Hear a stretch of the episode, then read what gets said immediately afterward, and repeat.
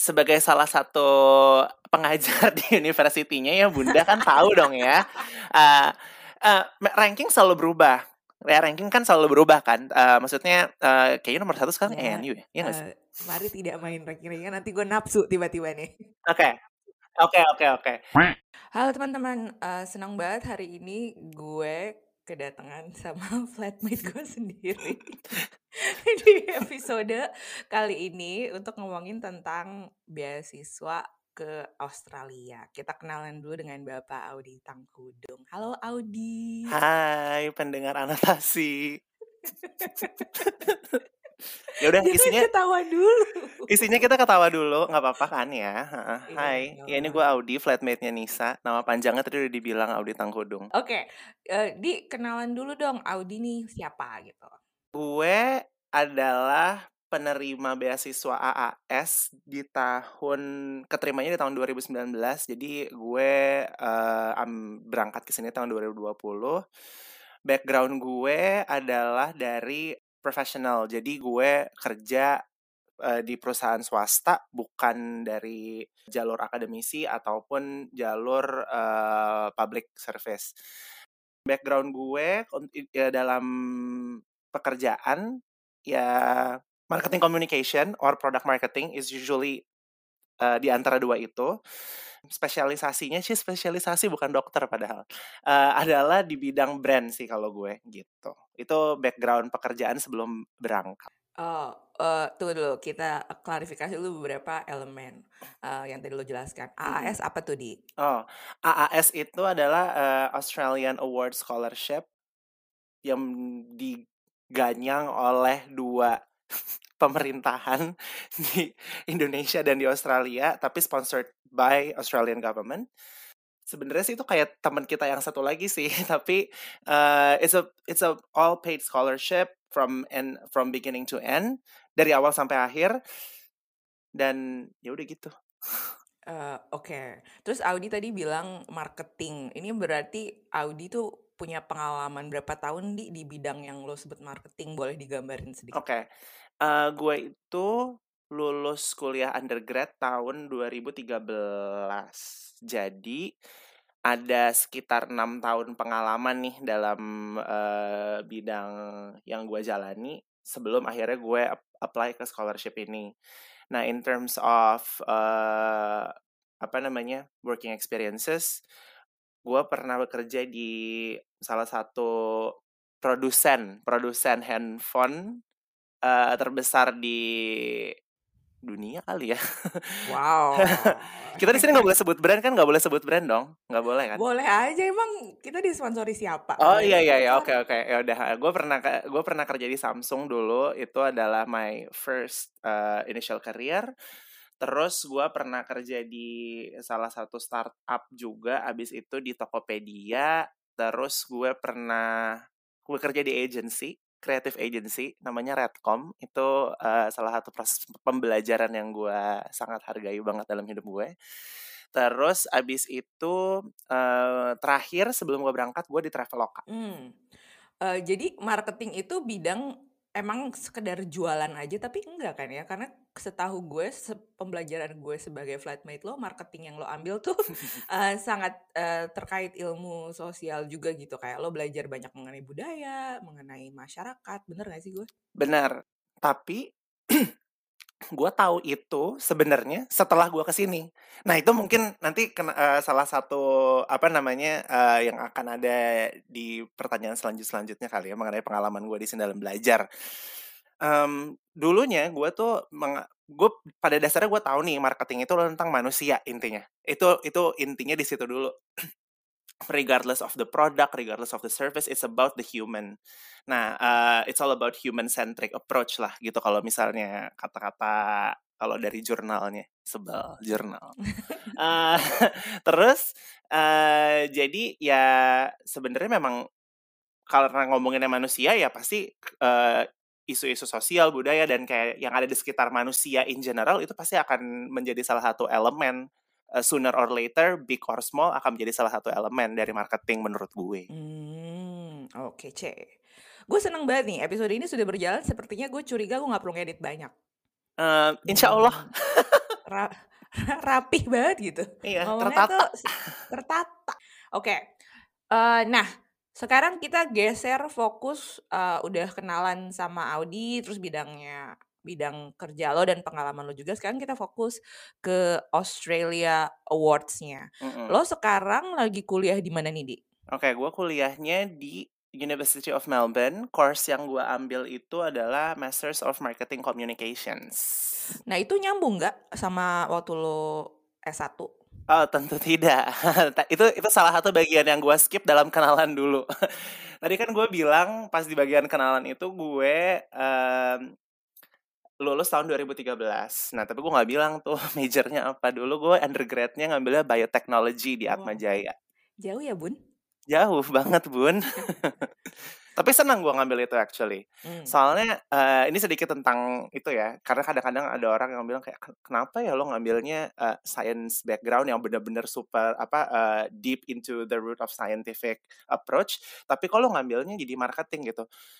Satu passion jawabannya tentu. Dua gue gue sama sekali tidak merasa pengalaman gue di undergrad itu menjadi tidak penting dan tidak relevan gitu. Karena waktu gue di undergrad gue benar-benar diajarin cara berpikir secara saintifik yang kayak misalnya lo oh lo dapat da lo cari data lo uh, menghipotes uh, membuat suatu merumuskan suatu masalah mencari hipotesis uh, cari data kayak semacam kuatan-kuat literaturnya abis itu ya udah lo bahas gitu. Abis itu ada conclusion. Uh, nah cara struktur itu menurut gue penting banget dalam semua bidang kerja apa pun termasuk marketing yang butuh mengetahui problemnya aja yang beda. Misalnya kalau di science ya gue ngomongnya bakteri waktu dulu atau fungi uh, kalau sekarang gue ngomongnya adalah manusia dan uh, apa namanya elemen-elemen yang membuat manusia ingin membeli suatu barang misalnya.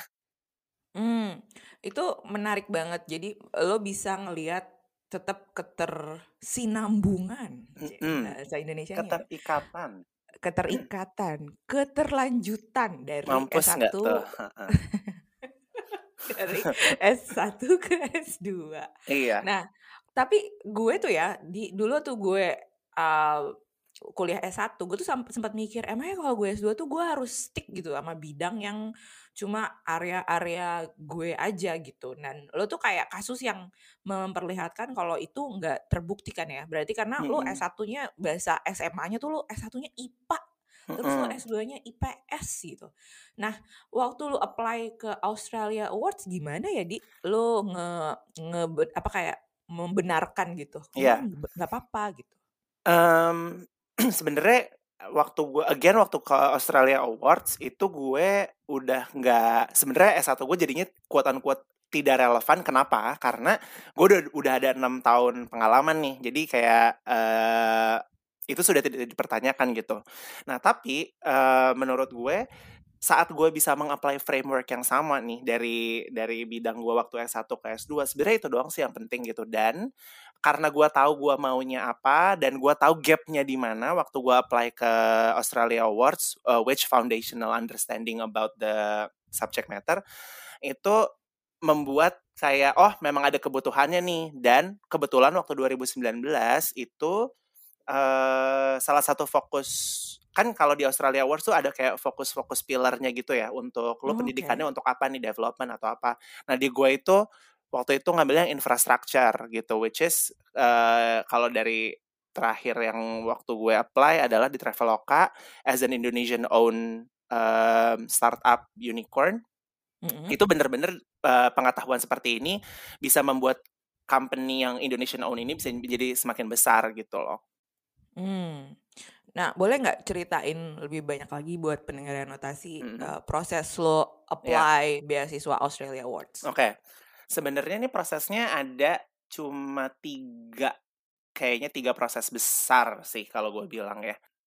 Pertama adalah online application, bilangnya sih seleksi hmm, berkas gitu lengkapin semua berkas-berkas yang seperti biasa lah ya kayak uh, identitas dan teman-temannya gitu dan dalam uh, online portal itu ada namanya Oasis itu bisa diakses dari uh, apa namanya websitenya Australia Rewards itu ada bagian SI. Nah di bagian SI itu adalah yang uh, mungkin perlu banyak due diligence, perlu dibaca ulang, motivasi lo apa, pokoknya kayak gitu-gitu itu itu tuh yang penting. Itu adalah yang pertama tuh.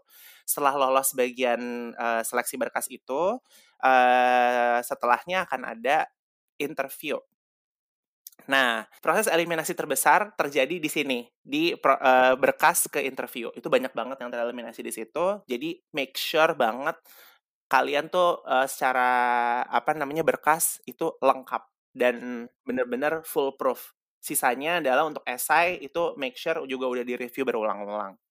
Gitu. Nah, yang kedua habis itu adalah uh, sesinya adalah sesi interview.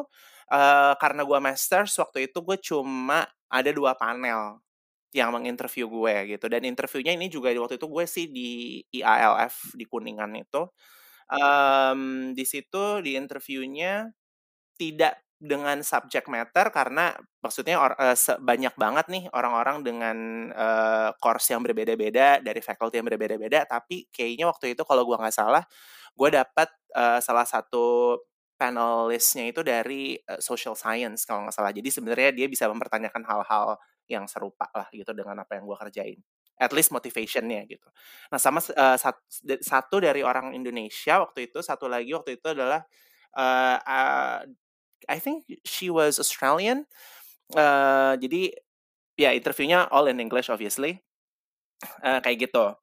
Terus abis uh, misalnya dari situ kita udah pulang, uh, nanti kita akan dikabarin lagi. Nah itu tuh udah abis itu lo keterima atau enggak intinya. Abis lo uh, abis lo keterima, uh, lo akan disuruh tes IELTS. Walaupun sebelumnya lo udah tes IELTS, lo uh, lo akan tes IELTS lagi gitu. Nah, di sini yang akan menentukan apakah lo akan berangkat ke Australia itu dengan persiapan 7 minggu, 9 minggu, atau berapa bulan. Itu benar-benar berdasarkan English proficiency aja sih. Oke. Okay. Nah, kalau dari uh, pengalaman lo sendiri, yang paling bikin stres tuh apa, Di?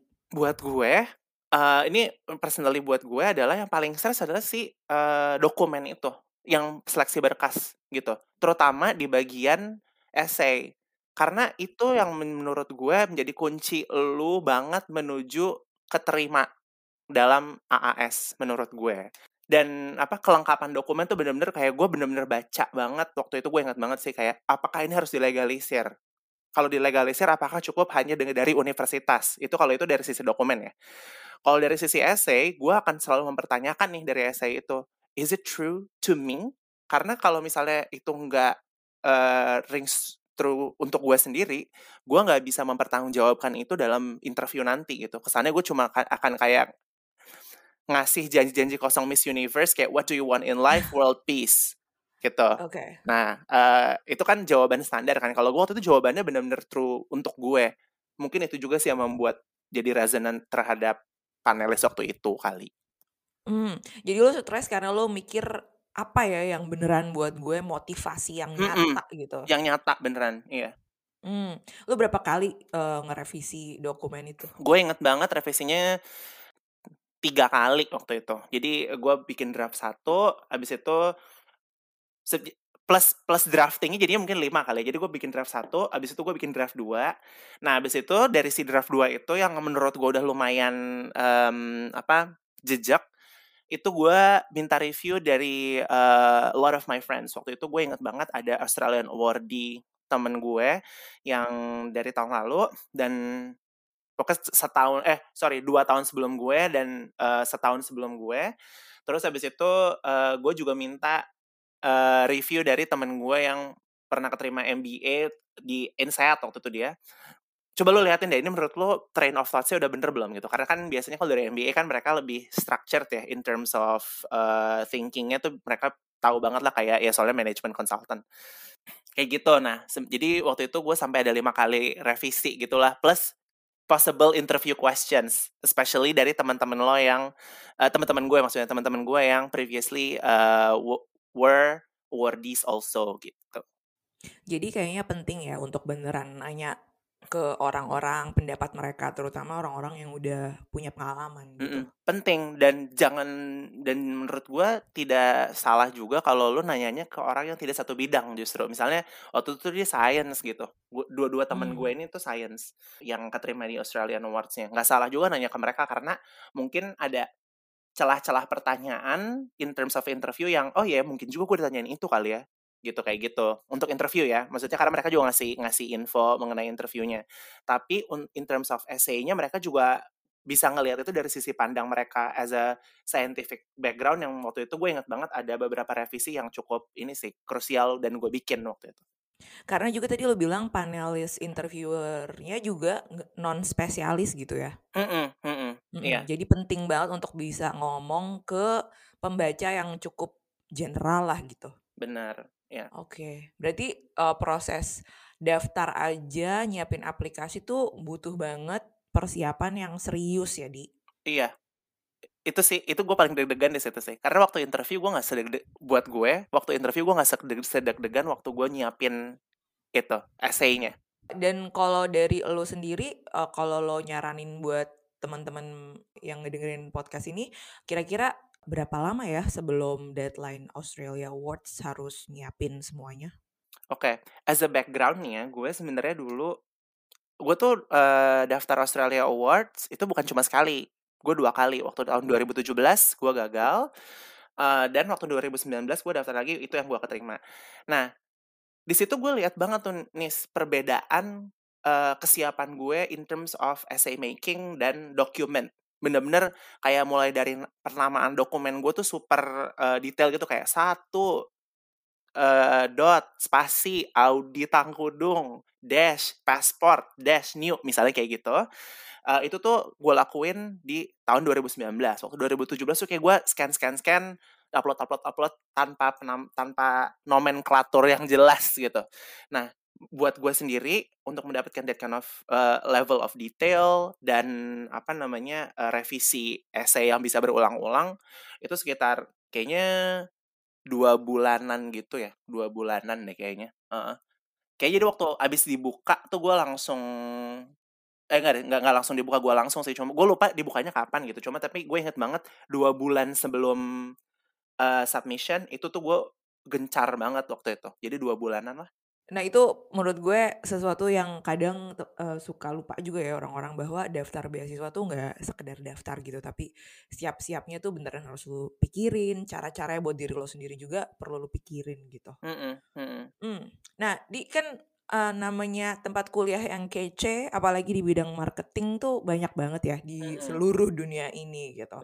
Uh, di kepala gue orang yang maunya marketing, kenapa gitu nggak ke California misalnya, di mana apalagi kan lo kerja sama unicorn, kenapa nggak lo ke area-areanya Silicon Valley gitu, mm. apa Stanford kayak apa gitu. Kenapa lo milih uh, Australia? Gini, um, journey gue dalam memilih negara dan university. Eh nggak sih not so much on the university tapi negara dulu. Uh, itu ber, uh, benar-benar berasaskan practicality waktu itu gue.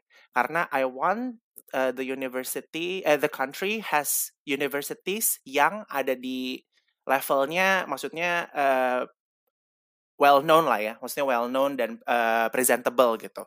Uh, di dunia di especially di dunia profesional di dunia pekerjaan orang dari lulusan ini tuh dilihat nggak sih kayak gitu. Um, nomor duanya adalah gue paham nih kalau gue um, kayaknya nggak bisa mengafford pendidikan ini deh saat itu gitu. Jadi gue butuh scholarship Nah, gue lihat nih abis itu uh, daftar-daftar scholarship yang bisa gue yang bisa gue dapetin tuh di mana aja. Kira-kira waktu itu yang di otak gue uh, US ada, US, UK, terus Australia definitely. Actually Australia was the first one. Uh, nah itu tuh tiga itu pilihannya. Abis itu uh, setelah gue tahu kira-kira negaranya yang ada scholarshipnya itu, gue lihat lagi scholarshipnya which is uh, seperti di episode yang sebelumnya kan ya itu kan uh, Fulbright ya itu Fulbright itu misalnya untuk di uh, Amerika terus habis itu uh, untuk di UK misalnya gue bisa daftar dari ya misal contohnya LPDP gitu atau gue tahu nih si Australian ya ini karena memang gue udah pernah daftar juga kan si AAS nah gue berpikir um, untuk nomor satu Fulbright itu gue tahu gue tahu banget itu super kompetitif super kompetitif dan um, gue bukannya bilang gue tidak layak di, di, jika dibandingkan orang lain, tapi gue benar-benar mikir secara practicality aja gitu. I want a good school, I want uh, I want to I, I really want this education uh, experience. Kalau misalnya chance gue di tempat yang lain lebih besar, kenapa gue nggak ambil itu? Gitu sih. Tapi gue tetap tetap premisnya adalah harus reputable university ya. Gue nggak mau kayak cuma, bukan kayak cuma, tapi kayak gue nggak mau S2 hanya sekedar ya S2 aja gitu. Kayak oh ya udah sekalian liburan gitu. Enggak enggak enggak gue pengen benar-benar belajar dan mendapatkan si ilmunya itu di from a reputable university. Nah UK kenapa enggak waktu itu alasannya adalah karena kan waktu itu untuk UK gue pilihnya uh, beasiswanya LPDP kan yang gue lihat dari list. Nah untuk bidang gue tuh nggak terlalu banyak yang ada gitu di saat gue gue inget banget mungkin di uh, kalau gue nyarinya dua tiga tahun sebelumnya mungkin banyak ya tapi kayak yang waktu di tahun gue 2019 untuk marketing communication pokoknya yang gue mau banget itu nggak ada jadi emang kayaknya the universe already shows the way untuk kayak lu di sini deh kayaknya gitu. Dan ketika lu uh, dari oke okay nih udah milih Australia Awards, terus mm -hmm. akhirnya ke University of Melbourne tuh gimana tuh ceritanya? Sebagai salah satu pengajar di universitinya ya Bunda kan tahu dong ya. Uh, uh, ranking selalu berubah. Ya ranking kan selalu berubah kan. Uh, maksudnya uh, kayaknya nomor satu sekarang ENU ya, iya gak sih? Ya, uh, mari tidak main ranking-ranking nanti gue nafsu tiba-tiba okay. nih. Oke okay, oke okay, oke. Okay. Um, Pokoknya ranking selalu berubah, tapi reputable university di Australia of the Big Eight itu tidak pernah berubah, gitu. Nah, gue lihat aja dari gue gue nggak terlalu lihat uh, university yang lain selain the Big Eight. Actually, gue cuma ngelihatnya USIT, uh, apa namanya Unimelp, terus uh, ENU waktu itu. Hmm. Sama UQ, sama UQ karena dulu salah satu scholarship awardee-nya juga dari teman gue yang anak traveloka juga. Jadi kayak kita duduk ke sebelahan tuh lucu banget. Dua-duanya keterima tapi dia di UQ. Uh, nah, gue ngeliatnya dari empat university itulah uh, pas gue lihat um, obviously gue lang langsung tertarik ke program yang gue mau, which either brand atau kayak marketing gitu-gitu.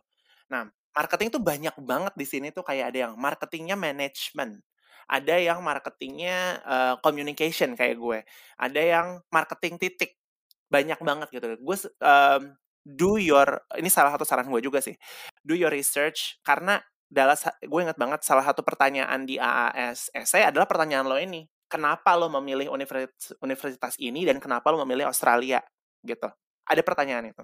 Gue lihat Unimel untuk Masters of Marketing Communication itu tuh sebenarnya under the Faculty of Arts.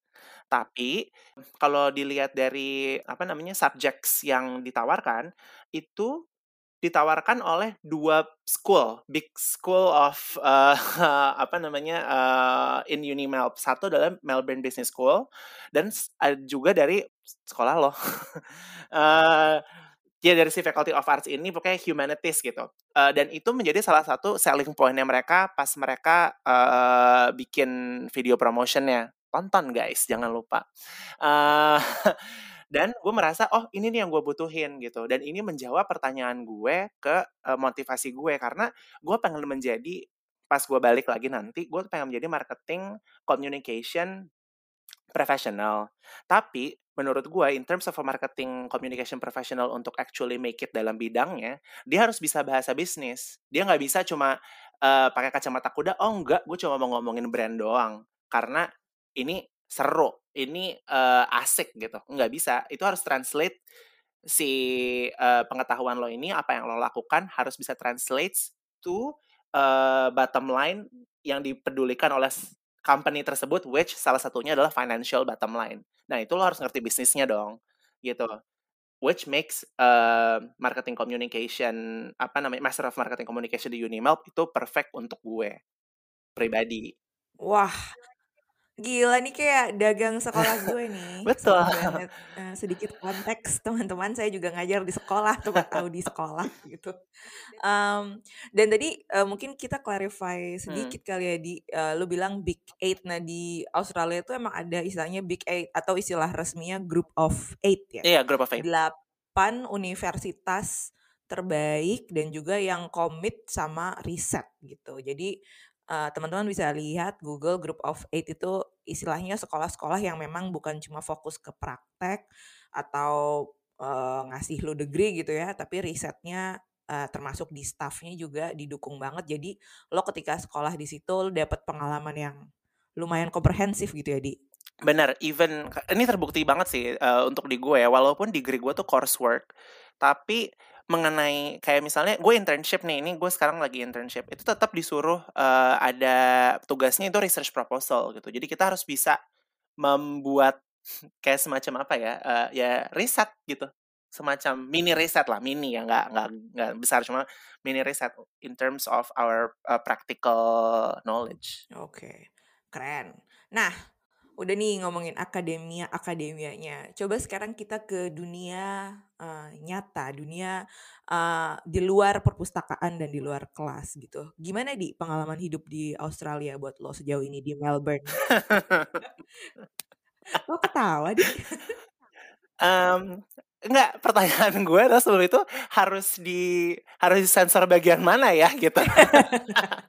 enggak, enggak, enggak, enggak.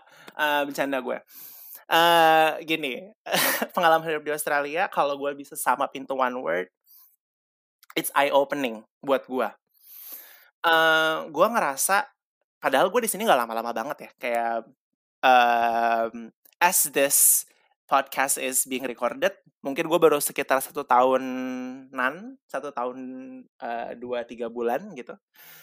Uh, which mengingatkan gue sebentar lagi gue harus pulang. Uh, itu mengubah gue pengalaman ini satu tahun kebelakangan ini walaupun lockdown mengubah gue dalam banyak hal sih. Jadi kayak itu sesuatu yang sangat gue appreciate banget gitu. Uh, jadi pengalaman hidup gue sangat ya itu eye opening di di Australia. Asik banget uh, I love the multicultural aspect of gue nggak bilang Australia in general karena gue nggak nggak bisa ngomong itu tapi in Melbourne gue merasa multiculturalnya tuh kerasa banget gitu. Dan apa ya um, as long as lu bisa membawa diri lu sebagai seseorang yang menurut lu autentik lu akan menurut gue sih bisa diterima di mana aja sih kalau menurut gue gitu. Betul betul. Oke okay. uh, eh, sip.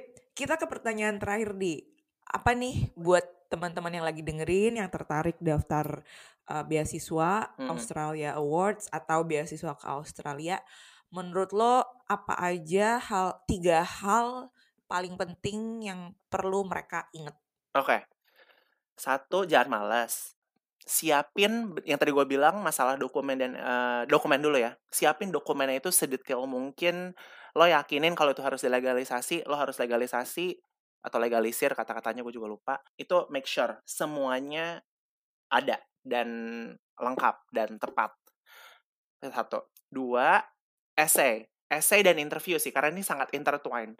Karena tadi pertanyaan gue uh, sorry uh, karena tadi orang panelis yang menanyakan ke gue pada saat interview itu adalah bukan subject matter marketing communication yang mereka tanya adalah apa yang lo tulis di essay? Jadi uh, pas lo menulis essay lo harus harus make sure itu rings through to lo dan saat lo uh, menulis bagian kayak apa kontribusi lo nanti saat lo balik? gitu-gitu emang sesuatu yang benar-benar akan lo lakukan dan bisa lo lakukan gitu. Jadi visible dan relatable gitu ke terhadap lo. Karena itu pasti akan ditanya lagi sama pas di bagian interview gitu. Uh, nomor tiganya adalah sebenarnya jadinya tergait ke nomor dua sih be yourself tuh menurut gue uh, gue nggak bisa um, stress enough untuk uh, this particular part gitu. Karena gini ini mungkin strategik kali ya. Orang yang daftar scholarship itu pasti ada satu cohort sendiri. Kayak misalnya oh ya uh, lu lu uh, go getter misalnya lu memiliki dream lalala semua orang memiliki dream.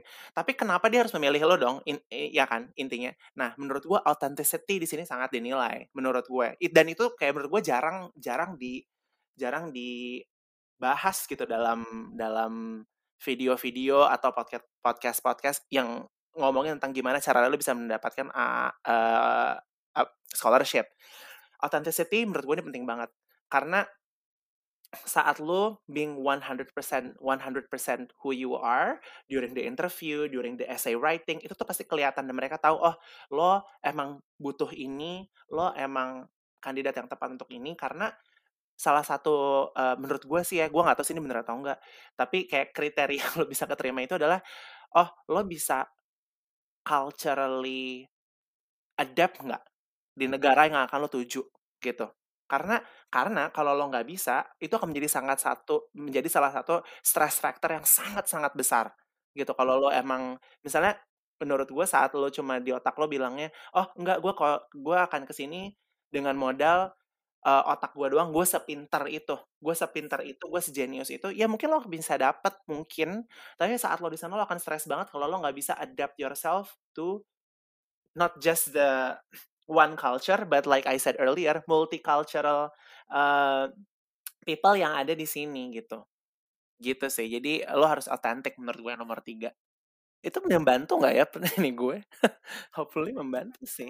Membantu karena otentisitas maksud lo itu jadinya membuat motivasi lo lebih jelas. Terus kayak ketika lo di interview juga lo paham goal lo apa gitu ya, visi mm -mm. lo ke depan apa. Benar. Dan ketika udah kuliah gitu udah diterbangin, udah sampai ke negaranya di Australianya, lu nya ngerti gitu cara hidup ya namanya beneran hidup kan ya di kuliah mm -hmm. dan hidup gitu. Jadi yeah. lu beneran bisa terlibat di semua uh, dinamika-dinamika itu gitu gitu bukan cuma satu satu sisinya aja gitu ya. Benar. Menambah sedikit sorry dari si otentik itu karena gini, lo harus tahu lo tuh siapa dan uh, as a person lo harus tahu lo tuh stand untuk apa gitu dan lo itu tuh siapa. Karena um, pengalaman gue di sini dengan dengan cara berpikir gue yang seperti itu gue nggak pernah bener-bener gue gue bisa bilang gue nggak pernah mengalami susah cari teman atau susah uh, presenting myself to the to the um, community gitu atau to the fellow students walaupun misalnya ya mungkin bahasa Inggris gue nggak sebagus mereka. Atau misalnya um, mereka berasal dari uh, kesannya negara yang lebih maju kuatan kuat tapi itu nggak pernah nggak pernah menjadi salah satu kuatan kuat keminderan dalam gue gitu. Karena gue ngerasa oh gue tahu kok gue siapa. Gue tahu apa yang bisa gue kontribusi dalam uh, social circle ini atau dalam group work ini atau dalam um, kelas ini gitu. Gitu sih. Jadi gue tahu gue siapa dan menurut gue tuh otentik aja sih intinya being otentik wah gila ini uh, podcast sungguh bermakna ya keren banget Insya Allah ya bun uh, thanks banget ya Audi udah gabung di episode ini dan berbagi soal beasiswa, soal pengalaman lo hidup di Australia. Thank you. Thank you. Semoga bisa membantu dan good luck untuk orang-orang yang pendengar yang mau mendaftar Australia Awards.